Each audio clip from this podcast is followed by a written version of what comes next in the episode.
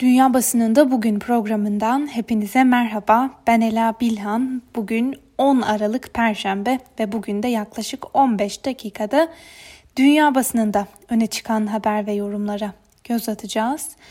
Bugün bültenimize bir kez daha Türkiye'yi yakından ilgilendiren çok çok önemli bir haberin detaylarına göz atarak başlayalım. Bugün başlayacak olan Avrupa Birliği Liderler Zirvesi öncesinde taslak metnin detayları ortaya çıkmıştı. Reuters'ın yayınladığı bu metne göre Akdeniz'deki ihtilaflı sularda Ankara'nın yaptığı doğalgaz ve petrol sondajını yürütmekle sorumlu Türk kişi ve kuruluşlara yaptırım getirilecek. Avrupa Birliği diplomatları Yunanistan'ın yaptırımları yeterince güçlü bulmadığını ve taslak metin üzerinde müzakerelerin devam ettiğini belirtiyorlar. Fransa ise Türkiye ekonomisine yönelik olarak sektörel bazı yaptırımlar uygulanmasına destek veriyor. Bu arada Türkiye ile ilgili tartışmaların uzun ve sert geçmesi, sonuçların ise bu gece geç saatlerde ya da yarın sabah erken saatlerde duyurulması bekleniyor. İngiliz BBC'nin bu konuda aktardığı habere göre Avrupa Birliği sonuç bildirgesinde Türkiye'nin Doğu Akdeniz'deki adımlarını devam ettirmesi durumunda olası yaptırımlarla ilgili açık maddelerinde yer alması Türkiye'nin pozisyonunda bir değişim olmaması durumunda bir sonraki zirvede uygulanabileceği uyarısında bulunulması öngörülüyor. Bu nedenle Türkiye-ABD ilişkilerinde normalleşmenin 2021 ortalarına kadar sürebileceği Avrupa Birliği'nin Türkiye ile alacağı pozisyonunda takvime, bu takvime göre belirlenebileceği de yapılan değerlendirmeler arasında. Kıbrıs basınından Filelefteros AB liderlerine sakın geri adım atmayın çağrısı yaparken Alman basınından Süddeutsche Zeitung'da AB hükümet başkanları Türkiye konusunda net bir tavır almalı diyor. Türkiye'yi yakından ilgilendiren bir diğer haberle devam edelim. Türkiye'ye Rusya'dan satın aldığı S-400 hava savunma sistemleri nedeniyle yaptırım içeren tasarı ABD Temsilciler Meclisi'nden geçti haberini aktarmıştık dünkü bültenimizde. Voice of America ise bugün bu yaptırım olasılığını mercek altına almış. Türkiye'ye ABD'den yaptırım gelir mi? Öncelikle şunu hatırlatalım. Senatoda yapılacak oylamanın ardından tasarının yasalaşması için Donald Trump'ın bir imzası gerekiyor. Trump ise tasarıyı Türkiye ile ilgili olmayan gerekçelerle veto etme tehdidinde bulunmuştu. Ee, ancak Senato onayının da gelmesinin ardından Trump'ın önünde tasarıyı imzalamak veya veto etmek için 10 günlük bir süresi var. Trump'ın bu e, tasarıyı veto etmesi halinde tasarı kongreye geri gidecek. Ancak bu kez Trump'ın da e, vetosunu geçersiz kılacak bir çoğunlukla geçmesi veya yasalaşması mümkün. Öbür taraftan uzmanlar her senaryoda Türkiye'ye sembolik de olsa yaptırım uygulanacağı görüşünü savunuyorlar. Bu arada tasarı kapsamındaki yaptırım seçenekleri arasında bazı yetkililere vize yasağı getirilmesi, bazı hükümet kurumlarıyla anlaşma ve kredi yasağı uygulanması gibi kapsamı sınırlı olabilecek ya da sadece belirli kişileri hedef alabilecek seçenekler de var. Türkiye'yi ilgilendiren bu iki haberin ardından Amerikan basınında öne çıkan diğer haberlerle devam edelim. Anayasa Mahkemesi Cumhuriyetçilerin Pensilvanya eyaleti seçim sonuçlarının iptali için yaptığı başvuruyu dün reddetti. Mahkeme eyaletteki seçim sonuçlarının tescili sürecinin tartışmaya açılmasını reddettiği kararını herhangi bir gerekçede göstermedi. Eyaletin demokrat valisi Tom Wolf seçimlerde 20 seçiciler kurulu üyesine demokrat aday Joe Biden'ın kazandığını daha önce tescillemişti. Seçiciler kurulu üyeleri 14 Aralık günü oylarını kullanacak. Buna karşılık Trump'ın seçim kampanyası avukatları seçim sonuçlarını itiraz içeriği taşıyan yeni bir açıklama yaparak itiraz süreçlerinin devam edeceği mesajını verdiler. Yine Amerikan basınında öne çıkan bir diğer davayı da sizlere aktaralım. ABD'de 48 eyalet ve bölge sosyal medya şirketi Facebook'a dava açarak şirketi piyasadaki gücünü kötüye kullanmak ve tekel yaratmakla suçladı. Washington Post'un aktardığına göre onlarca eyalet başsavcısının rekabeti engelleyici yasa dışı taktikler olduğuna dair bulgular elde ettikleri bir yıldan fazladır e, süren soruşturmanın ardından Federal Ticaret Komisyonu geniş kapsamlı bir dava açmaya karar verdi. Voice of America'nın bu konudaki yorumuna göre dava Facebook'u Instagram ve WhatsApp'ı satmaya zorlayabilir. Dava haberlerinin ardından Facebook'un hisseleri %3 oranında değer kaybetti. New York Times'ın gündemindeki bir haberle devam edelim. Ülkenin önemli gündemlerinden biri de rekor kıran ölüm oranları. ABD'de Covid-19 kaynaklı ölümler bu hafta iki kez rekor kırdı. Geçtiğimiz hafta günlük ölüm sayısı 2760'a dayanmışken dün yani çarşamba günü ülkede tam 3140 kişi hayatını kaybetti. Bunun yanı sıra Texas gibi büyük eyaletlerin özellikle de kırsal kesimlerinde hastaneler doluluk e, oranlarının endişe verici olduğu belirtilen bir diğer haberde de Covid-19'a yakalanan Trump ve çevresinin çok iyi tedavi imkanlarına eriştiklerini ve ülkede çoğunluğun bu hizmetten faydalanamadığına dikkat çekiliyor. Tabii ki bu haberde son olarak Covid-19 tedavisi gören Trump'ın kişisel avukatı Rudy Giuliani'ye de işaret ediliyor. Hem New York Times'ın hem Voice of America'nın gündemindeki bir habere de kısaca göz atalım. Biden Savunma Bakanlığı'na emekli General Lloyd Austin'ı aday göstermişti.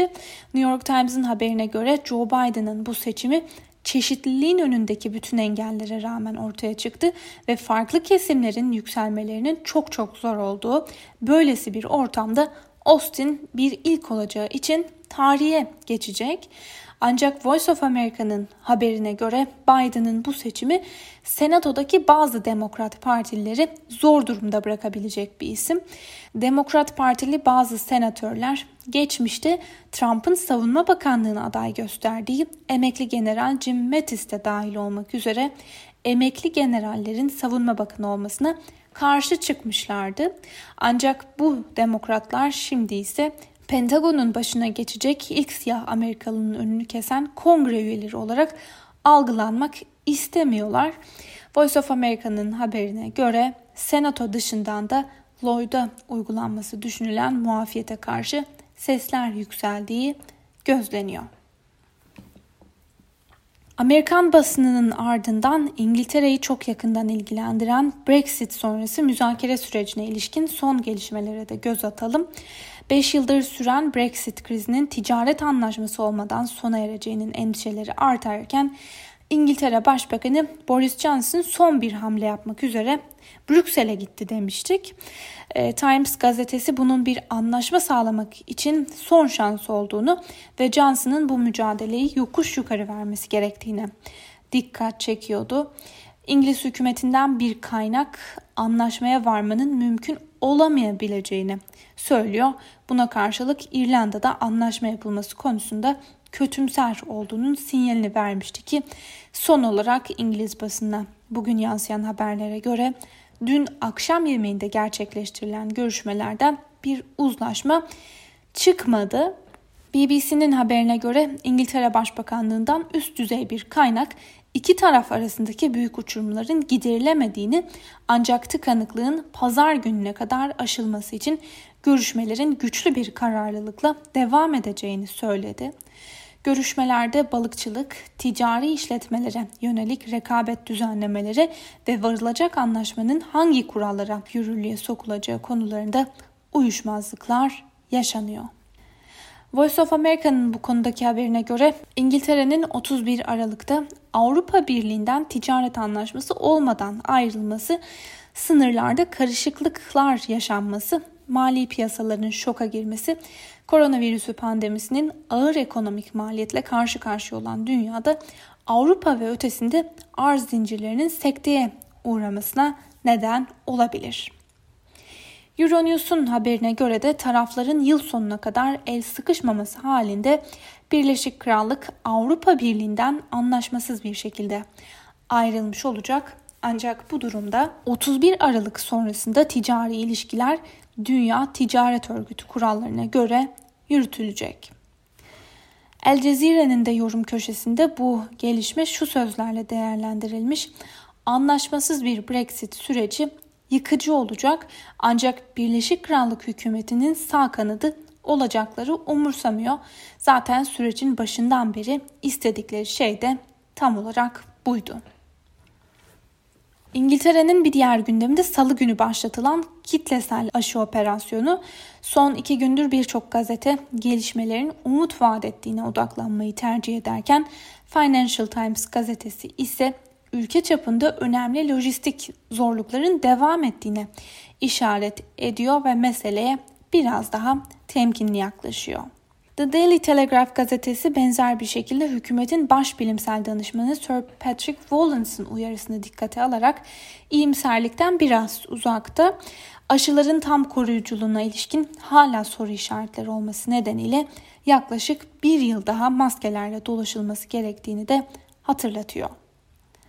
Bu arada İtalyan basınından La Repubblica gazetesi İngiltere'de başlayan aşı operasyonunu olumlu bir gelişme olarak değerlendiriyor ve şöyle yorumluyor. İngiltere'de başlatılan aşı operasyonu Brexit sonrasında ülkenin imajını toparlamak için seçilen iyi bir yol. Son günlerde Alman basınında aktardığımız haberlerde hem uzmanların hem de toplumun bir kesiminin tam kapanma taleplerini dile getirdiklerine dikkat çekmiştik. Dün Almanya Başbakanı Angela Merkel yılbaşında sert kısıtlamalar için çağrı yaptı.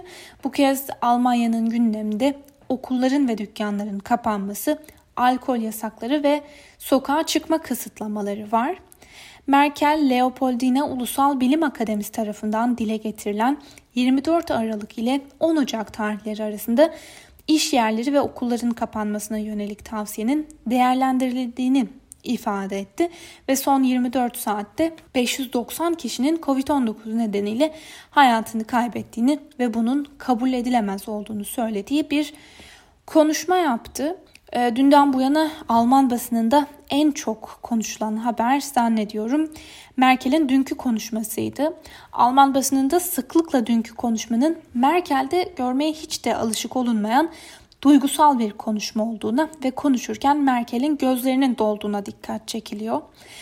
Neue Westfälische Zeitung Merkel'in duygusallığı tüm zayıflıklarıyla beraber mükemmeldi diye yazarken Der Spiegel ise bütün olumsuz tabloya rağmen Merkel'in iyimserliği de ayakta tutma çabasında olduğuna dikkat çekiyor.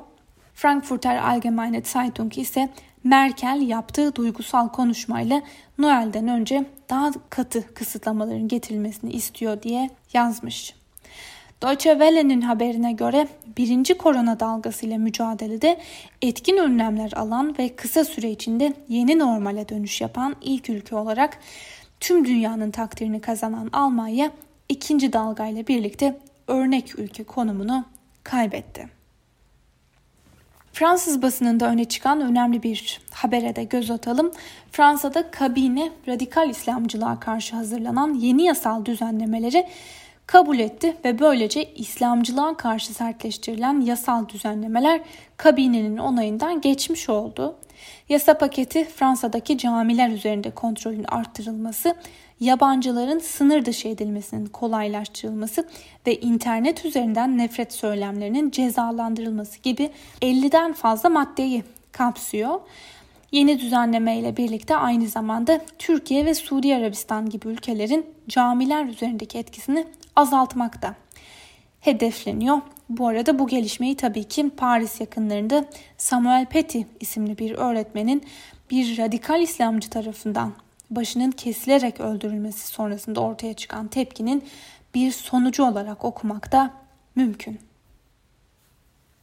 Fransız basınında öne çıkan bir diğer habere göre de Mısır Cumhurbaşkanı Sisi'ye resmi ziyarette bulunmak üzere geldiği Fransa'da Elize Sarayı'nda Fransız onur nişanı takdim edildiği ve bunun Fransız basınından gizlendiği iddia ediliyor. Ve son olarak Rus basınında öne çıkan önemli bir diğer habere de göz atalım. Moscow Times'ın aktardığına göre Rusya'nın yasama sisteminin alt meclisi Duma ülkenin devlet başkanlarına ve ailelerine görevi bıraktıktan sonra da dokunulmazlık tanıyacak bir yasa tasarısını geçirdi. Yani böylece aslında Putin'e ömür boyu dokunulmazlık verecek. Tasarıda onaylanmış oldu. Yasa yasama sisteminin üst meclisi olan Federasyon Konseyi'ne gidecek. Burada onaylanması durumunda son olarak bir de Putin'in onay imzası gerekecek ki zaten Putin de bu tasarıyı imzalayacaktır. Sevgili Özgürüz Radyo dinleyicileri, Moscow Times'tan aktardığımız bu haberle birlikte bugünkü programımızın da sonuna geldik. Yarın aynı saatte tekrar görüşmek dileğiyle şimdilik hoşçakalın.